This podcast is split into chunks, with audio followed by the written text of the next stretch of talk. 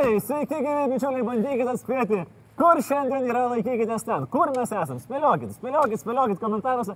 Ai, gerai, žinau, kad vis tiek neatspėsit, tai aš jums Galbūt ir padėsiu.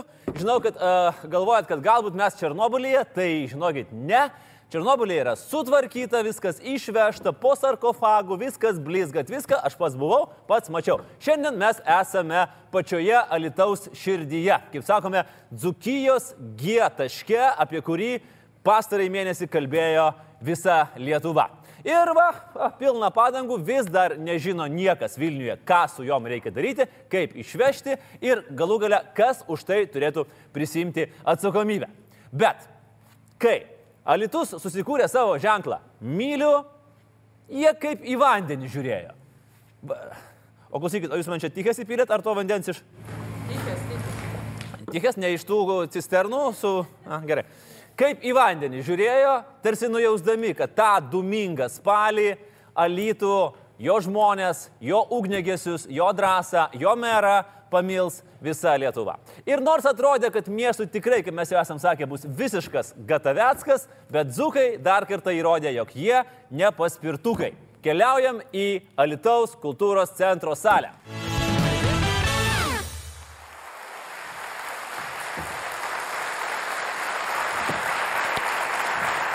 Ir būdamas čia, Alituje, ir žinodamas, kad salėje yra ne tik Alitaus meras, bet ir keliasdešimt ugnegesių atidavusių viską, kad žmonės galėtų jaustis ramiau, saugiau, norėčiau dar kartą visos Laisvės televizijos vardu, nebejoju visų šimtų tūkstančių mūsų žiūrovų vardu, dar kartą pasakyti jums. Ačiū, didžiuojamės, mylim.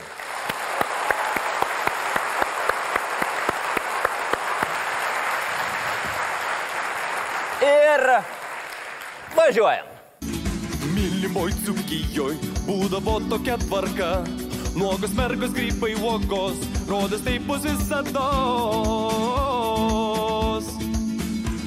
Bet dėja geri dalykai, baigia šitaip nelauktai, kai užsidegė prakeiktos padangos.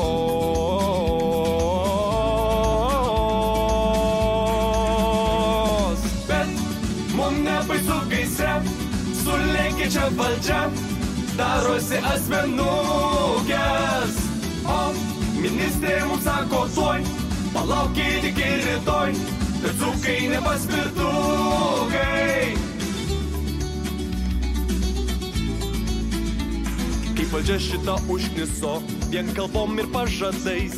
Visa laimė, kad cesiulis, kur pasiūsti juos tiksliai žino. Užteršta aplinkui žemė, pieną draudžiama parduot, netgi grybai pasislėpę samanoj.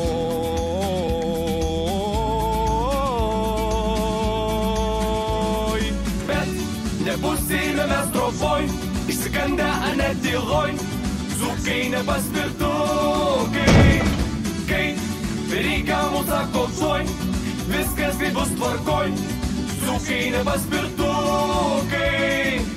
O ministrė mūsų sako tuoj, palaukit iki rytoj, bet zukai nepaspirtukai. Kai cisiulės atrežia oi, šiaušias blogai šiknoj, zukai nepaspirtukai. Nuo dioksido taip apsvaigau, nuogas mergas matau, zukės ant paspirtukų. Bet užtenka sėdėti tamsoj, žiūrėk, kas vyksta valdžioj, deda ant mūsų skersą. Kai Vilniui mums sako tuoj, palaukit iki rytoj, suksis kaip populistai. Jiem cisulis atrėžia oi, šiauščias blogai šiknoj, dzukai nepaspirtukai. O,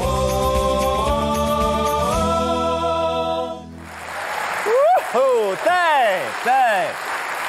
Na, kągi, mėly bičiuliai, o dabar keliaukim, keliaukim drauge į mūsų dramatiškos valstybės savaitę. Paskutinę rudens savaitę, kuri paserviravo laidos scenaristams neįtikėtiną derlių. Jeigu Donelaitis metus rašytų šiais laikais, tokią savaitę būtų pavadinęs rudens gerybės, o daugantas porintų apie darbus senųjų lietuvių ir lenkų. Bet kaip dažniausiai nutinka, Gera žinia satyros laidų scenaristams, nelabai gera žinia mūsų jaunai demokratijai. Ok, a, būsiu su jumis visiškai atviras. Kai laikykitės ten scenaristams būna lengva, mūsų valstybei ir jaunai demokratijai būna Ir šią savaitę mūsų valdžios idiotizmą ir keulės akių įsistatymą mes skaičiavome ne dienom, o valandom. Vilniaus rajono keliams vyriausybė biudžete rado 300 tūkstančių eurų papildomų lėšų. Ir visiškas sutapimas, visiškas sutapimas, kad 299 tūkstančiai 973 eurukai iš šitos sumos buvo skirti upės gatvės, kurioje stovi premjeros kvernelio namas asfaltavimui. Gamta yra įspūdinga. Visos papildomos lėšos skiriamos premjero gatvės tvarkymui ir tokiam staigiam dar, kad net užtelė ausise. Bet esminis klausimas. Ką darėt su likusiais 27 eurais? Kur pinigai? Ta prasme, kur jie yra? Nesugebėjote įsisavinti? Negalėjot, aš nežinau, negalėjot padaryti 200 kalėdinių skrajučių su jungtiniu Jareko ir pagrindinės skrajučių ekspertais iš VRM ministerijos sveikinimu. Nu tokia pavyzdžiui, Polska akcija Vyborčia padarys linksmiau gyventi. Pani Ryta į pan Jarek, linki jums visiodok svent. Pan Jedinski, prašom jumi su gitara mums pagrok, nes ateina graži šventė, nauji metai, novai rok. Va, ir būtų jums tie eurai suėję puikiausiai. Bet dabar žiūrim, kokia yra mūsų valdžiukės reakcija. Kaip ir sakiau, statomos keulės akis. Premjeras sako, arba jo aplinka, nieko nežinojo. Nieko jis nežinojo. Kelias? Koks kelias?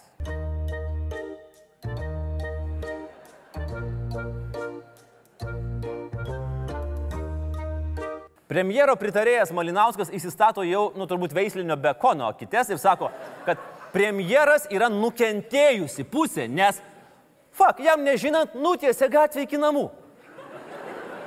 Nukentėjo žmogus. Tai aš dabar galvoju, nu tai tada jau reikia, nuraginam premjerą nedelsti. Jeigu jau nukentėjo, tai tada tegu savo teisės gina įstatymų nustatyta tvarka ir iš valstybės prisiteisė dėl jo gatvės asfaltavimo patirtus nuostolius. Ir nusima visą asfaltą von ir užsideda iš naujo žvyrą. A, aš nežinau, ar tai yra įmanoma, bet aš nekelininkas. Žinot, kai asfaltuoja gatves, būna toks didžiulis sunkus volas, kuris suspaudžia dar minkštą asfaltą. Tai panašu, kad tas volas kažkaip kažkokiu būdu po savim įtraukia ir mūsų valdžios ir savigarbą, ir principus. Žiūrėkit, chronologija. Spalio 12. Premjero gatvė Vilniaus rajono savivaldybei dar nėra prioritetinė. 22. Savivaldybė kreipėsi į vyriausybę prašydama pinigų keliams. 25. Jau yra sąrašiukas, kuriame jau yra premjero gatvė. 28 Susitikimo ministerija jau parengė ir perdoda nutarimą vyriausybei, žinodama, kad ten yra premjero gatvė. 30. Vyriausybė bendrų sutarimų patvirtina pinigėlius ir lapkritį jau u, u, u, varom gatvikė tvarkoma. Jeigu Vilniaus rajono su ministerija būtų kosmonautai, tai Lietuva jau turėtų Nobelio premiją už viršytą šviesos greitį. Bet premjeras nieko nežinojo. Važiuodamas į darbą nepasuko galvos pro langą, vadai važiavo. Ir nepagalvojo, o, blin, pradėjo gatvę tvarkyti, kaip faina. Nežinojo, nepagalvojo. Nu ką jūs bandot apgauti klaunai? Nieko nežinantis, nukentėjusi, nugrinai. A, aš nekaltas, aš nekaltas, nekaltas. Aš pukuotas ir baltas. Jeigu kas nors čia ir kaltas, tai tik juodas asfaltas. Bet galim pykt, galim dantim griežti, o tai ką, ne patys išsirinkom? Ir dabar turim klasikinę situaciją.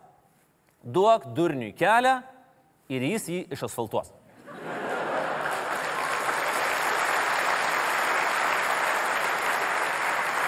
Ir dar kartą, nėra ko pykt.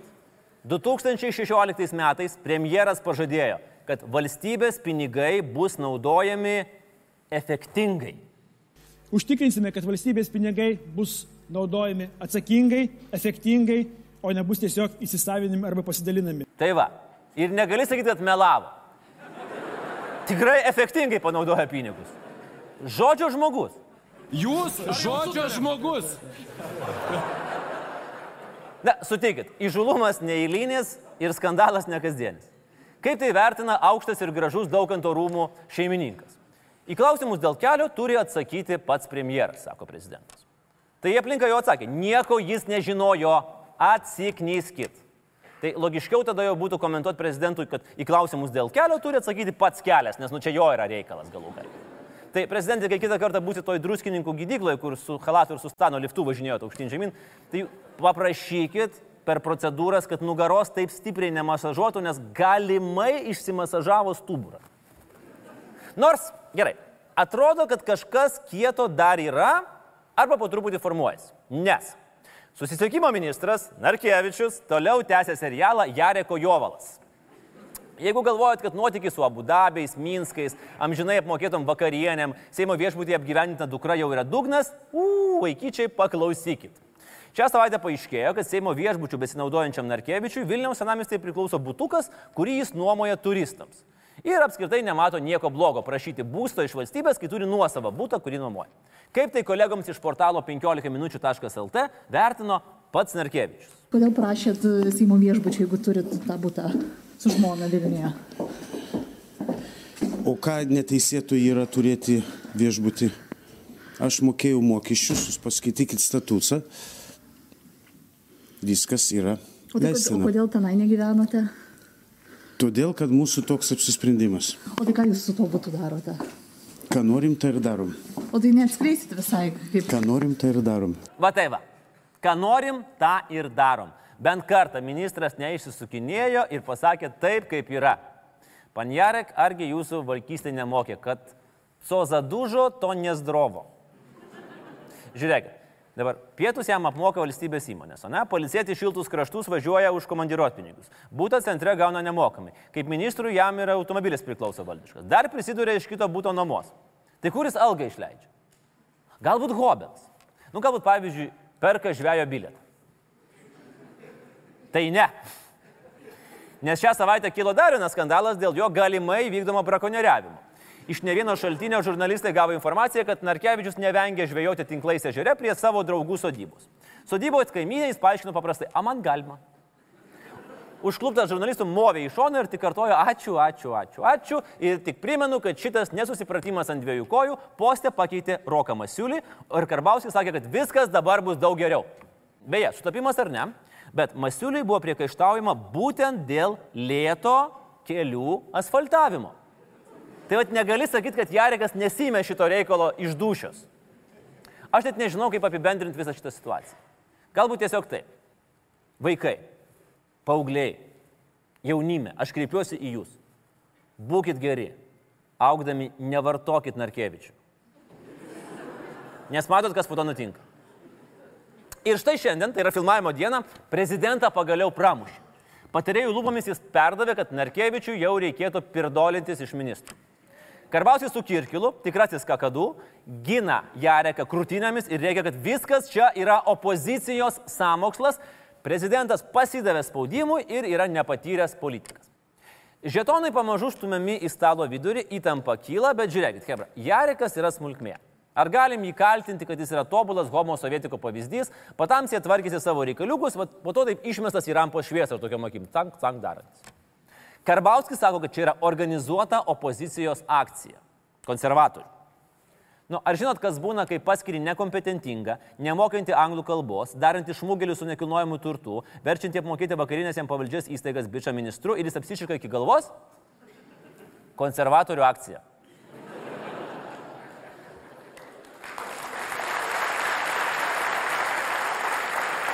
Bet kova tik prasideda. Jarekas Jareku, bet mes vis dėlto turim keliuką už 300 tūkstančių išasfaltuotą į premjero namus. Ir atsakymų laukianti prezidentą. Ko jis tikisi išgirsti iš premjero ir ką tada pasakys pats? Galbūt negarsas skamba tylojo, tyla garsia. Ir plus dar primenu, kad neaišku, kur dingo 27 eurai. Bet čia dar nieko. Mylimiausias dzūkų ministrės ir geros mūsų laidos draugės Rytos Tamašūdinės nuotykiai vyksta.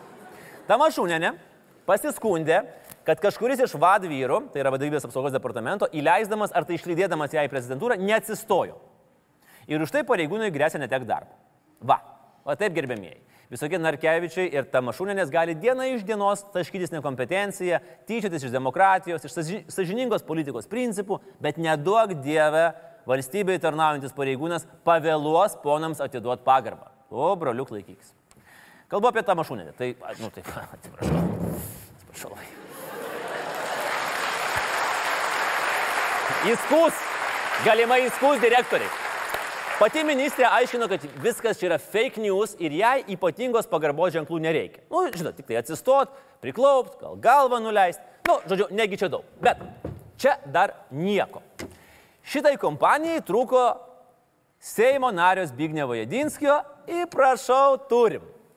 Įtariama, kad Zbišako sūnus Edvardas, kuris panašu, kad Seimo viešbutyje tėvo būtė gyvena su drauge, to paties Seimo viešbučio stovėjimo aikštelėje padarė avariją ir pasišalino iš įvykio vietos. E, Nu, matot, e, kas reiškia gyvename. Gyventi aš e, naudojusi būtų, kai reikia, kai reikia pernavok, kai reikia persink, kai reikia pailsėti. Žurnalistai Edvardą Jedinskį stebėjo kelis rytus, jis visada išeidavo su ta pačia judaplaukė mergina, tačiau prieš kameras aiškino, kad jos nepažįsta. Ir čia, žinokit, viskas yra ok. Atsakymas yra tikrai filosofiškas. Tu gali mylėti žmogų, tu gali su juo gyventi Seimo viešbutyje, bet ar tai tikrai reiškia, kad tu jį pažįsti? Pagalvokit apie tai prieš miegą. Bet yra du dalykai. Pirma, prasme, dar vienas Lenkų politiko vaikas gyveno Seimo viešbutį. Tai dabar kas ten yra? Seimo viešbutis ar Lenkų vaikų namai?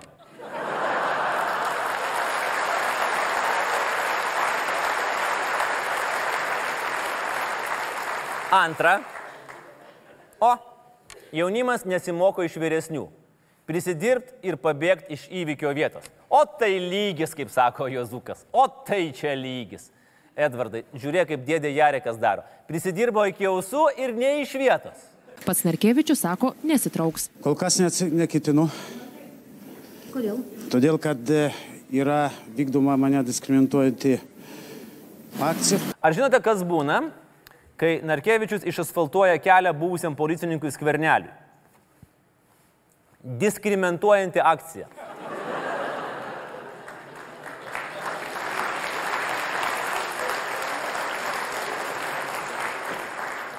O kas būna, kai apskritai yra pilna Jareko jovalo? Ekskrementuojanti akcija. Protestų naujienas, draugai.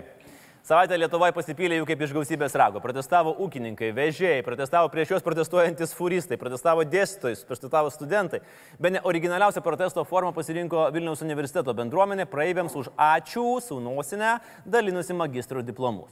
Man tik įdomu, galbūt šią galimybę galėjo pasinaudoti ir Viktoras Uspaskikas, būtų kartą ir visiems laikams išsprendęs savo diplomo klausimą. Ir simboliška, kaip ne kaip, inicialai irgi yra VU. Vyriausybės vicekancleris Davidas Matuljonis labai gražiai atsakė į klausimą, kaip vertina Vilniaus universiteto planus stabdyti darbus, jeigu į jų reikalavimus nebus atsižvelgta. Jis pasakė, puiku, studentai bus laimingi. Nu, vicekancleris turbūt pajokavo. Bet žinokit, nu tai yra antiek blogas bairis. Antiek blogas. Nu, kad Matuljonis puikiai tiktų rašyti bairius laikytis ten komandų. Nebent vicekancleris mokosi iš savo šefo skvernelio, kuris darbo sąlygomis nepatenkintų medikų atstovams jau yra kartą vožęs. Tai pasakykit, kad išvažiuot. Nes jisgi žino, ką reikia daryti, kad jauniems medikams kelelis nedulkėtų. Reikia duoti Jarekų asfaltuot. Paulauskas, Žemaitaitis ir Zuokas paskelbė, kad suvienyje jėgas ir eis į Seimą kartu. Kaip galėtų vadintis jų politinis darinys? Paėmus po dvi pirmasias jų pavardžių raidės, gaunasi pažėzų. Tiesiog wild. Tai va, mėlyje, jeigu dabar dar per liūdna, balsuokit už šios vyrus ir tada jau visi pažėzuosim. Aišku, vyrai turi labai džiaugtis, kad taip trumpindami į savo hebrą paėmė žemaitaitį. Nebūtų žemaitaičio, būtų tiesiog zuopa.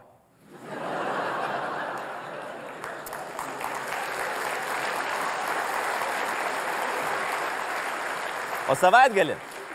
Savaitgalį mūsų aukštas ir gražus prezidentas skėlė patriotiškai pakilę kalbą kariuomenės dienos progą. Viskas labai gerai. Bet jūs dabar atkreipkite dėmesį ir į antrą planą.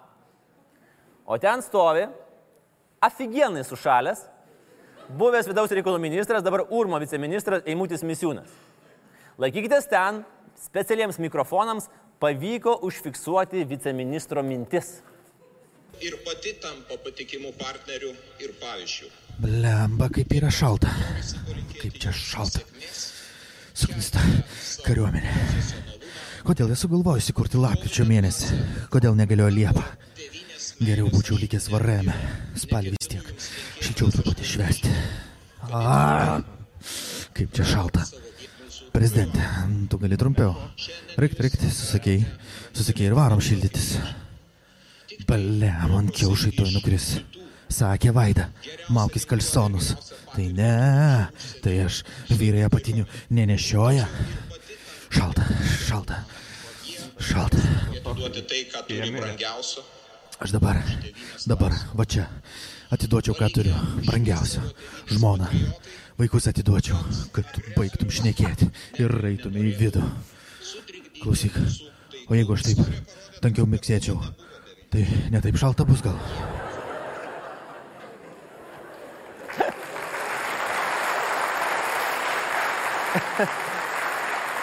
Panašu, kad ir po švenčių mūsų kariuomeniai bus ką veikti, nes į politiką susiruošusi ponia Kručinskinė, kuri visuomeniai kol kas nusipelnė tuo, kad nedirba niekur ir nelegaliai skvotina jai nepriklausančiame socialinėme būste, pareiškia, kad niekur iš būsto neis, nebent bus iškraustyta prievarta su kariuomenė.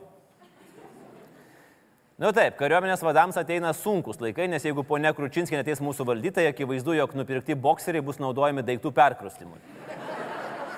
Ne, mėla busimoji Seimo narė, kariuomenė užsima ne tuo. Nors kai pagalvoji, tai boxer skamba iš tikrųjų kaip perkrustimo įmonės pavadinimas. Kuo užsima kariuomenė, nežino net ir Seimo nariai.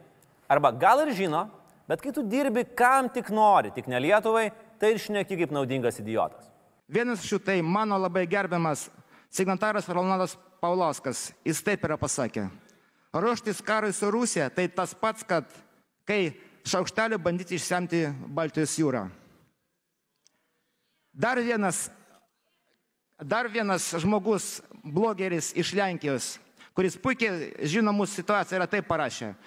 Ar Lietuva skirs gynybai 30 procentų nuo BVP, ar nulis, rezultatas bus tas pats. Gerbimiai Lietuvos laikais biudžetas buvo skiriamas gal 7 procentai nuo, nuo BVP, o tais tankais rusai kar, kariavo prieš partizanus.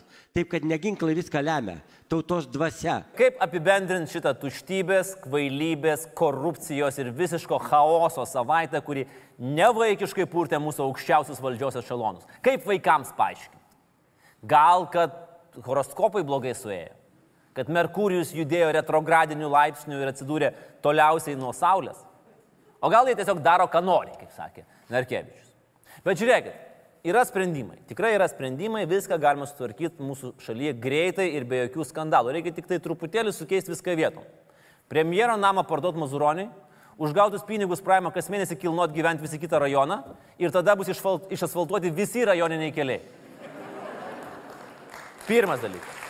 Čia aš toje vos ne kaip dabar programą dėlioju Seimo. Ne? Lenkų vaikų namus išdraskyt, Kručinskinę įkelti prezidento rezidenciją Turniškėse, nes tuščia, į atsilaisvinusią socialinį būstą Kaune, Jedinskio sūnų ir Narkevičiaus dukrą kartu. Seimo viešbutį naudoti tik trumpalaikiams pasimatymams, gražuliai pūgui Steponavičiui pirmenybę, visus furistus ant traktorių, pūgininkus į fūras, mokytis ant trijų raidžių nesušknyso, dėstytojus pavers kelininkais, nes mokslas šviesa tai galės dirbti naktį ir mažinant diskriminaciją visiems pareigūnams, visiems pareigūnams, pamačius tą mašūnę, privaloma padaryti penkis atsispaudimus, tada salto mortalę ir tadam!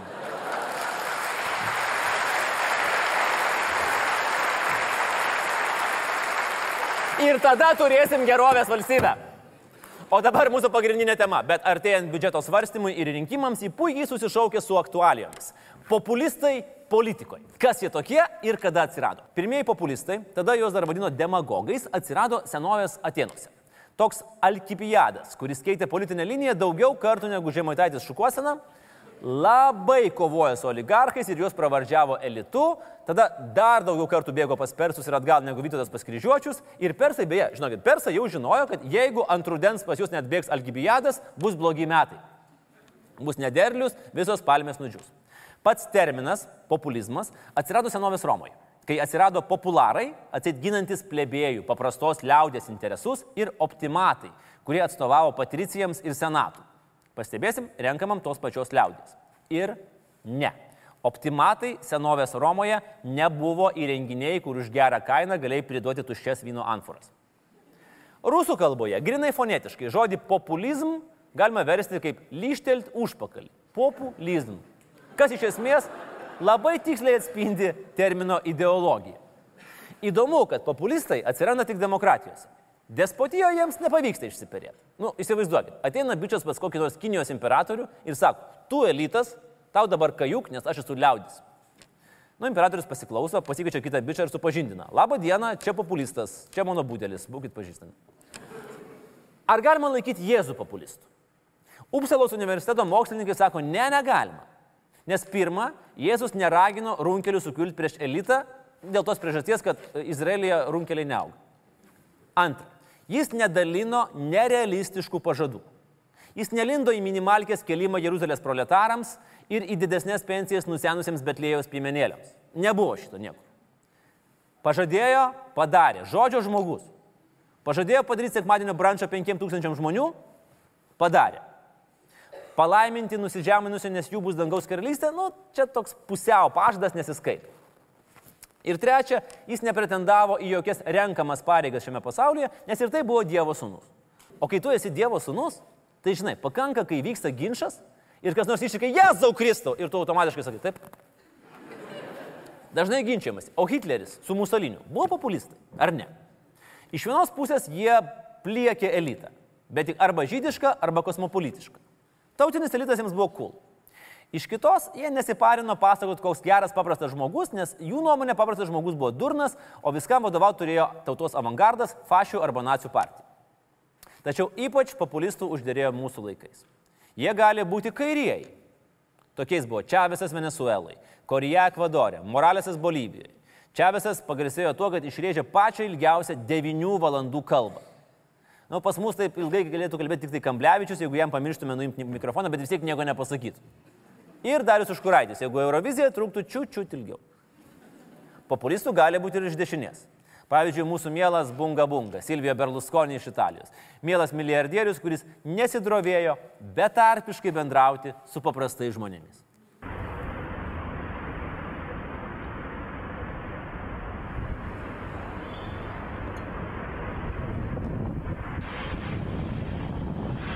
Latino Amerikoje irgi atėjo dešiniųjų populistų metas. Želsominas Bolsonaro Brazilijoje pareiškė, kad geriau mirtų, negu sužinotų, kad jo sunus yra usuotas gėjus. Ką daryti mažajam Bolsonaro? Nu ką, nusiskus kūsus ir tėtukas bus laimingas. Ir šiaip, prezidentas nelabai varžosi. Porque o filho começa a ficar meio assim, meio gayzinho, leva um couro, ele muda o comportamento dele.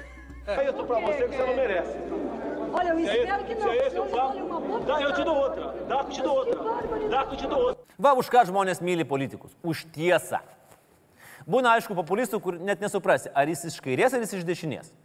Pavyzdžiui, Filipinų prezidentas Rodrigo Duterte. Jis irgi neieško žodžio kišenėje. Žiūrėkit, va čia yra geriausi jo perlai. Hitleris išžudė 3 milijonus žydų. Pas mus yra 3 milijonai narkomanų. Būčiau laimingas galėdamas juos išžudyti. Aš buvau atskirtas nuo žmonos, tai ką man daryti? Aš neimpotentas, aš negaliu jam leisti taip savo kabot. Ir čia jis ne apie monumentą Filipinų žmonėms. Ir dar tokia vyšnė ant torto Filipinuose. Aš norėjau jam paskambinti ir sakyti, klausyk popiežiau, kalės vaikė, varyk namo ir net važiuok daugiau. Čia pranciškui. Nes e, popiežiaus vizito metu Mandiloje susidarė kamščiai. Ir ką? Ir nieko. Dutertės reitingas Filipinuose vis dar virš 70. Ir pabaigai, žinoma, sąrašas nebūtų pilnas, jeigu nepaminėtume 45-ojo prezidento. Trumpas pažymė visas varneles populistų rekvizitų sąraše. Jis nuolat aiškina, kaip nusausins Vašingtono pelkę, suprask, išnaikins politikus ir lobistus. Pats yra elito atstovas, milijardierius, bet jo milijardai geri, o kitų yra blogi. Jis pasakoja visiems, kad Amerika yra gera, visi kiti yra blogi. Ir naudojasi Amerika. Pasak Trumpo, Amerika yra babytė, pas kurią po pensijų mokėjimo dienos eina visi anūkai ir prašo padėk. Trumpui nepatinka, nes jis nemėgsta babyčių. Jam patinka jaunos ir silikoninės.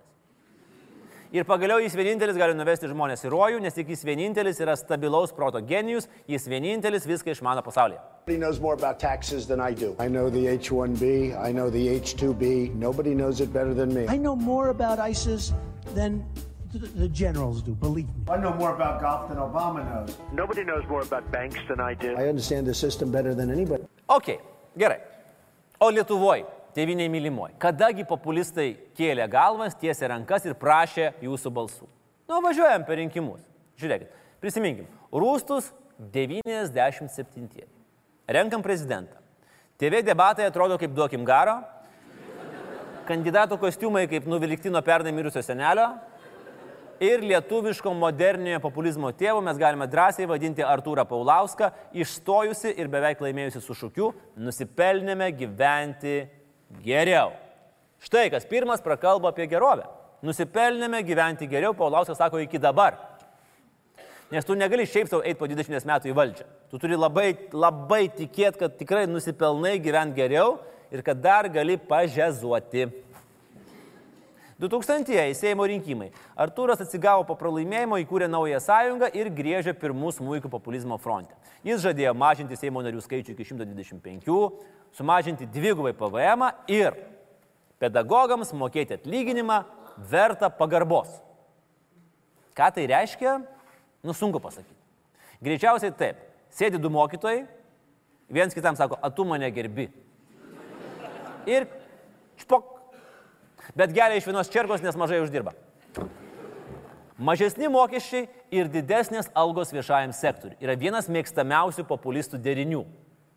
Skambėjo tada, skamba ir dabar. Ir tada, ir dabar visi dėl to protestuoja. O populistams esantiems valdžioje dzin, kad tai yra neįmanoma. Mažinti mokesčius ir kelti algas viešajam sektoriui yra neįmanoma, taip pat kaip neviršyti greičio su BEMSu ar kelnes užsimauti per galvą. Paksas tuo metu joja ant širdžių premjero netidavusio naftos Williamsui kortos ir jos skrydžių. Laimės formulė, kas tai galėtų būti Lietuvoje.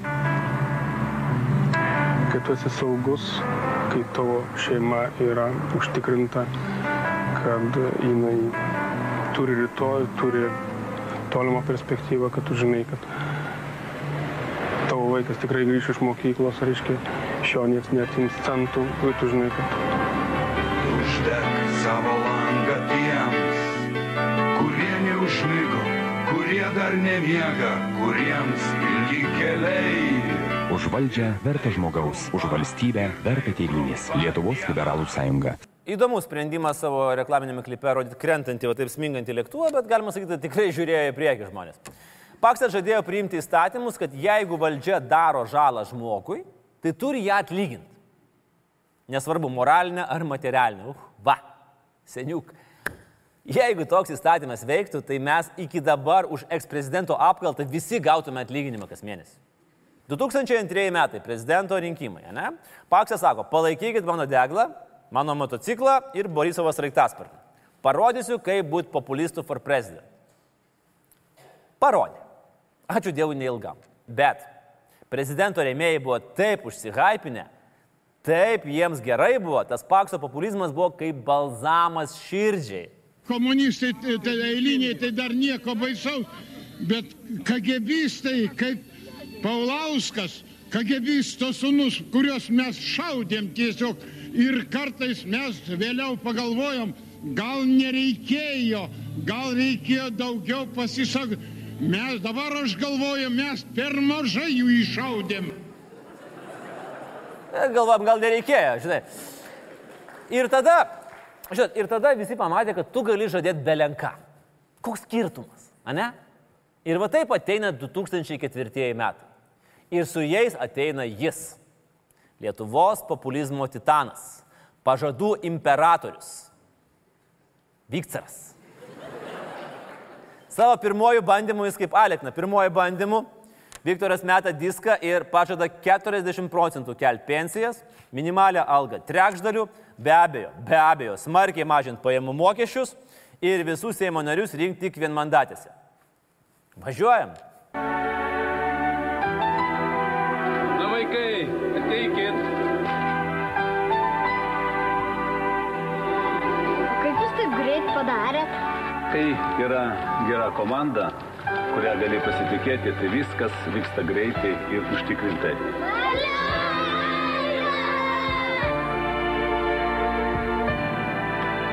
Matot, kaip aukštai. Darbo partijos komandos numeris 5. Eh, tie geri ir naivus 2004.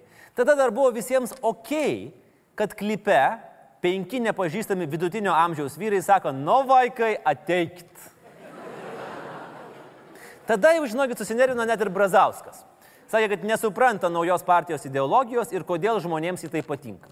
Nes jų pažadai utopija. Įsivaizduojat? Kai Brazauskas sako, kad nu, jūs jau perspaudžiate su pažadais, tai yra tas pats, kas, aš nežinau, jeigu Brazauskas būtų sakęs, kad gal nereiktų darbę tiek gerti. Bet žmonėms tada buvo dzin. Darbiečiai surinko 2,8 procentus, vienmandatės apdar paėmė ir 39 vietas parlamente. Buvo valdžioj su socdemais, kurie darbiečius vadino utopistais, Viktoras tapo ūkio ministru, aišku, jokių pažadų neįgyvendino, o po dviejų metų atsisveikino su ministro postu. Dar po dviejų metų Viktoras įjungė aukštesnę pavarą. Žadėjo per pusantrų metų pakelti vidutinį atlyginimą iki 3,5 tūkstančio litų, vidutinę pensiją iki pusantro tūkstančio litų. Procentais didinti jau buvo slabo. Kartais žadėjo didinti. Kartais. Nu ir aišku, mažinti mokesčius. Smarkiai mažinti mokesčius. Kirvių kirsti. Kirvių. Bet Lietuvos rinkėjas yra toks padaras, kad jam pažadai patinka, viskas tvarkoja, bet jam reikia vis naujų pažadukų, kad ateitų. Ir nesvarbu, ką žadys, svarbu, kad kitas ateitų. Ir darbo partijai į paslėpsnius kirto nauji populistai. Atėję iš niekur ir laimingi kaip ant ratukų. Kaip tarėme, taip padarėme.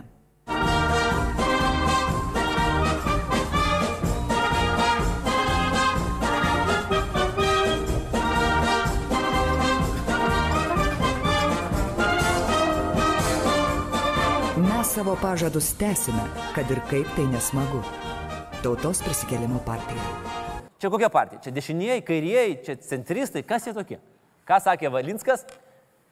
Kaip ir gyvenimas nėra nei kairė, nei dešinė, nei centre, gyvenimas turi dvi kryptis. Pirmin arba atgal. Einam pirmin. Aš turiu pripažinti, iki dabar mokusi va taip pasakyti ir nieko nepasakyti ir neišeina. Na, o Viktoro Fintiaros tą kartą nepraėjo. Rinkimus laimėjo būtent Valinskas. O kaip žinia, kur valius, ten ir balius. Susimetė su konservatoriais, visi žinom, kuo baigėsi. 12 metais Viktoras įjungė aukštesnę pavarą. Apsimetė, kad nežadėjo vidutinės pensijos už pusantro tūkstančio litų, taip nebuvo, dabar pasiūlė minimalią algą 1509. Kadangi važinėdamas su vandens mocu palangoje pamatė šitą skaičių ant būdelės, nes tai buvo gelbėtojų trumpasis numeris. Dar Viktoras žadėjo įvesti mechanizmą, kaip atšaukti netinkamai dirbantį Seimo narį. Gaila neįvedė, nes būtume kvietę pirmų taikymų ant savęs išmėginti. Darbiečiai sukūrė reklamą, kaip jie viską atneš žmonėms. Paprasti dalykai svarbiau už sudėtingą politiką. Šį kartą padėdami šeimai iš Dotnuvos norime pasidalinti mintimis, kad geriau mažiau ginčykime dėl darbo skatinimo strategijų. Tiesiog augančiais atlyginimais išlaikykime jaunus žmonės Lietuvoje. Bet e, internetas nebūtų internetas, jeigu nebūtų paėmęs šitos darbėjų reklamos ir nepaleidęs jos atbulai.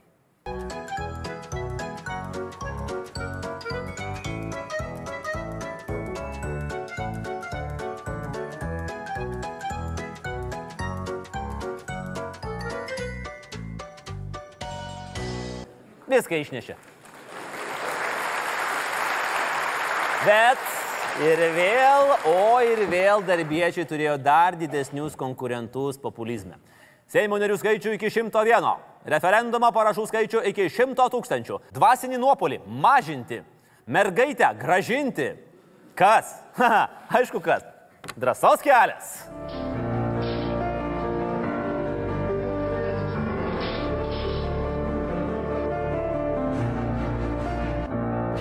Mūsų tikslas - tiesa ir teisingumas. Ne išrinktiesiems, o visai tautai. Su tuo teisingumu išrinktiesiems, tai teta kaip į vandenį žiūrėjo, aš jums pasakysiu. Drąsiečiai savo keliu nuėjo ten, kuriems ir priklauso, o rinkimus laimėję darbiečiai, aišku, jokių pažadų neįvykdė, jokio mechanizmo atšaukti Seimo nariams neįvedė. Bet, bet, padovanojo Lietuvai šventę su Graužinienė, Pitrieninė, Pabedinskinė ir Biručiu. 16 metais Viktoro jau neliko, bet Valentino Mazuronio vedini darbiečiai, nors tai atrodė, kad ir neįmanoma, jie įjungė dar aukštesnę pavarą. Pažadėjo padidinti pajamas. Kiek? Labai daug. Kam? Visiems. Ir dar kiekvienam 18 metų sulaukusiam lietuviui žadėjo duoti 2000 eurų. Va taip. Dvi štukytės. Aš nežinau, iš kur po 2000, kai mums 100 dolerių krapštė pusantrų metų, bet tarkim. O nuo populizmo ratuko apsvaigusi Pinskų taip užvilko, kad jis dar ant viršaus kiekvienam savo lasdino apygardos žmogui pažadėjo po naują būtą. Kaip nebalsuot?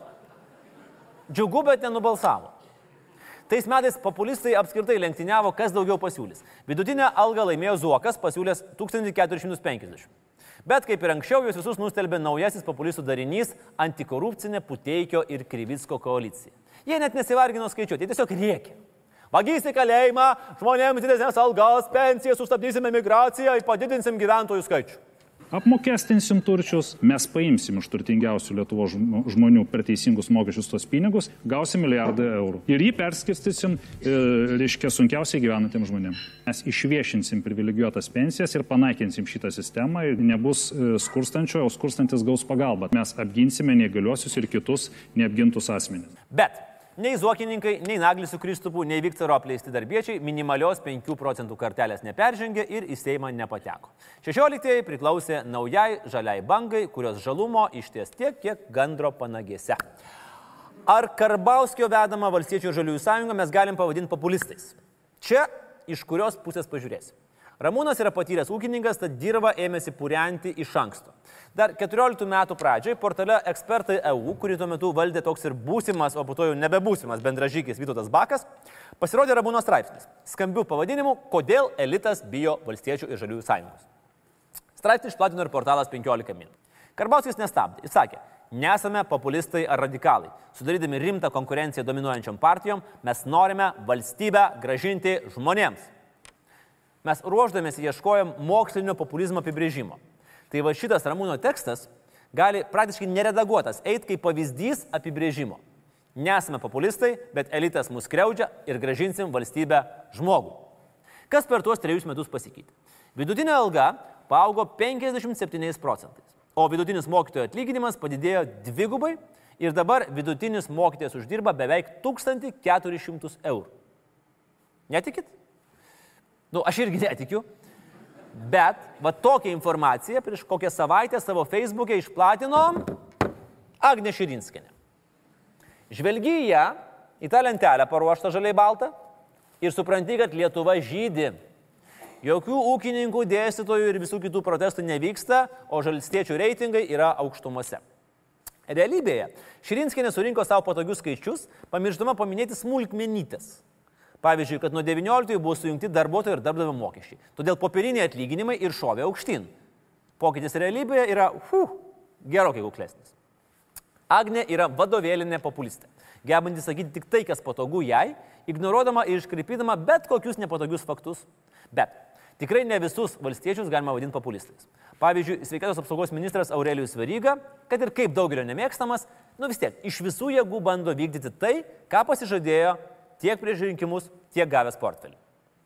Ir apskritai, vyriausybei populistų yra minimumas. Nu kas pavadins Šapoką, Linkevičių, Karoblį, Vaičiūną populistais, numeskit akmenį. Nu, gal ant matuko kapo suklupęs kukuraitis tvokstelėjo populizmo garais, nu bet nieko, atsistojo, nusipurtė ir nuėjo toliau. Širinskinė veryga ženkliai prisidėjo prie to, kad valdančiųjų reitingai artėja prie viena ženklės zonos ir didelė tikimybė, kad kitose Seimo rinkimuose juos jau pakeis nauji mūsų gelbėtojai. Šventa vieta tuščia nebūna. Ir štai čia prie įėjimo su užrašu tik populistams mindžikuojančių netrūksta. O ko ne? Seimas šiandien jau pritarė rinkimų kartelės nuleidimui iki 3 procentų. Kuo margesnis Seimas, tuo daugiau demokratijos. Trina rankomis Naglis Puteikis, pajutęs šansiuką kitiems metams. Nu ir komandais, aišku, susirinko atsakančią. Puteikis, Kryvių Kryvickas, Janutienė ir Kručinskinė. Dabar gyvename bankų gerovės Lietuvoje, prekybos centrų gerovės Lietuvoje, Landsbergenės privačių mokyklų su užgrobtais valstybiniais klypais gerovės Lietuvoje. O iš tiesų juk gerovės Lietuvoje turi gyventi Eglė Kručinskinė. Aš manau, kad jeigu jie dar paims į top penketuką sąrašo tą moterį Šiauliuose, kur prieš porą savaičių elektros laidų mušė du savo mažus vaikus, tai bus pilnas svajonių komandos komplektas. Beveik. Nes prie šitos kompanijos trūksta ko? Puidoko. E, Sirijos atstovas persikrausti į darbo partiją. Nu kaip kitaip? Niekas kitas taip neįrodo, kad nori kovoti prieš oligarkus ir padėti Lietuvai, kaip susimetimas šmutkių su Vikcaru, kuris vėl grįžta. Ir matosi, kad jau jungs pavarą R. Raketa. Nes atsako už bazarą konkrečiai. Mes padarysime viešąją transportą nemokamą visoje Lietuvoje, sutvarkysime daugiabučių kimus kaip Europoje, visus pokyčius darysime kartu atsižvelgdami į jūsų nuomonę. Mes atsakome už savo žodžius. Viktoras Uspaskich ir Darbo partija. Nuo populizmo dulkelės braukė ir tie trys labai pagyvenę muškietininkai, pažezų, kūnų, kurie tikrai nusipelnė gyventi geriau. Dar nepamirškim Kamblevičiaus, Juozaičio ir pensininkų junginio Lietuva yra čia santalka Lietuvos gerovėje ar taip kažkaip. Nepamirškim ir violetinės tetos mobilizuojamų likučių. Ir dar bus. Ir dar tikrai bus. Aš tikrai tikiu, kad laikai keičiasi. Ir nebus labai lengva iš užpakalio ištraukų skaičių vidutinė alga 3000 eurų laimėti rinkimus. O ir mes būdėsim, kaip dar niekada nebūdėjom. Laukite specialių Laisvės televizijos projektų visais rinkiminiais 2020 metais. O pabaigai apie labai greitos ateities prognozes man asmeniškai. Planuoju, galimai po kelių minučių, gauti iš rankinuko į galvą. Kodėl? Nes filmuojam Alituje. Ir jeigu jau kalbam apie populistus, tai kyla natūralus klausimas.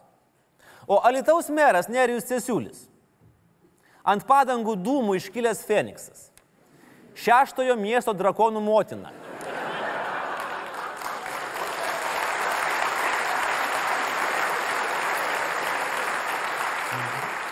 Gliancinių žurnalų žmonės jau įsiteikiamai vadinamas širdžių premjeru. Populistas ar ne? Nu, jis keikia valdžią, pas yra šiek tiek kitoje valdžioje. Nu, gal čia. Nu, jis tiesiog keikėsi. Nu, labai patinka žmonėms. Čia. Iškilo ant nelaimės bangos. Čia. Dalina pažadus. Čia. Sako, kad prikels futbolą. Tai čia double, triple check. Rasme. O pabaigai nepasakysiu nieko naujo. Domėkitės tais, kurie mus nori valdyti. Ir ne tik patys domėkitės, bet ir pasirūpinkit, kad domėtųsi ir jūsų tėvai, ir jūsų seneliai, ir senelių kaimynai, ir kaimynų seneliai. Kad nebūtų mums dar vienos diskrimentuojančios akcijos. Nes širdis jau gali net laikyti, mano širdis silpna iš tikrųjų, gali net laikyti visų šitų nuostabiai, fantastiškai, beprotiškų pažadų kitais metais. Piliečio gerovė, matomai, tai yra pagrindinis siekis. Mes apginsime neįgaliuosius ir kitus neapgintus asmenis. Jeigu kiekvienas neįgalusis turėtų posmeninį asistentą, mes turėtume papildomą darbo vietą ir du laimingus žmonės. Ir eilės bus trumpos, vaistams bus kainos visiškai kitos. Mes norime, kad jaunimas čia gautų kokybišką įsilavinimą. Jūsų mokyklos bus saugios jūsų vaikams. Jūsų pajamų augimas yra svarbiausias mūsų tikslas. Mes sudarysime sąlygas sąžiningam verslui konkuruoti. Lietuvoje bus darbo. Atlyginimai tikrai bus orus. Biudžetinėme sektoriuje dirbantiems darbuotojams visiems bus didinamas darbo užmokestis. Mes paimsim iš turtingiausių Lietuvo žmonių per teisingus mokesčius tos pinigus ir perdalinsim labiausiai skurstantiems žmonėms. Tai jaunimą iki 26 metų atleisti nuo fizinių pajamų mokesčių. Per tris metus maždaug turės sugrįžti apie 120 tūkstančių imigrantų Lietuvos. Gerų specialistų. Taigi daugiau vaikų, daugiau ekonomikos, didesnės pensijos. Mes norime kartu su jum kurti gerovės valstybę. Lietuva bus teisinga visiems. Tiek šiandien Lietuvoje. Ačiū žiūrėjusiems. Nepamirškit prenumeruoti mūsų YouTube. Ir nepamirškit paskirti kokį nors vieną kitą dolerį Patreonė. Ir svarbiausia, nepamirškit. Šitos valdžios žmonės niekada nieko nežinojo. Iki!